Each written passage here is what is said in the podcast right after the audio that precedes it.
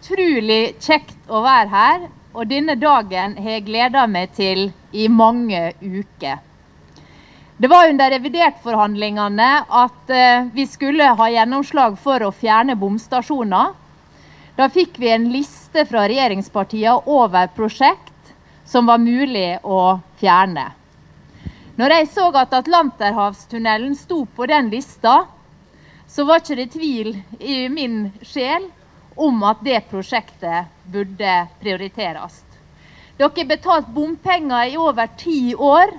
Det er mer enn nok.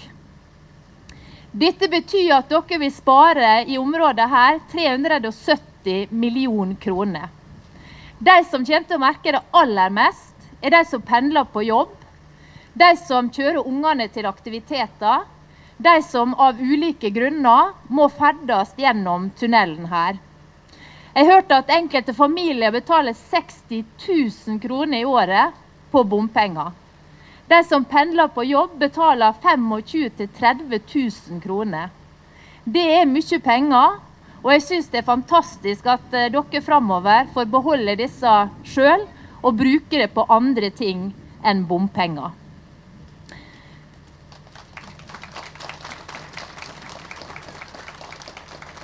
Så er jeg helt sikker på, som ordførerne her også sa, at dette kommer til å gi denne regionen et løft. Og jeg gleder meg til å følge den utviklinga, både for næringslivet, for folk, for bosetting, for kultur, for hele det yrende livet som er i denne regionen. Og jeg ønsker dere gratulerer med dagen, og jeg gleder meg til at vi får ned dette bomskiltet. For noe av det, vi går på jobb for hver eneste dag i Fremskrittspartiet, det er å sørge for å redusere bombelastninga og helst fjerne bomstasjoner.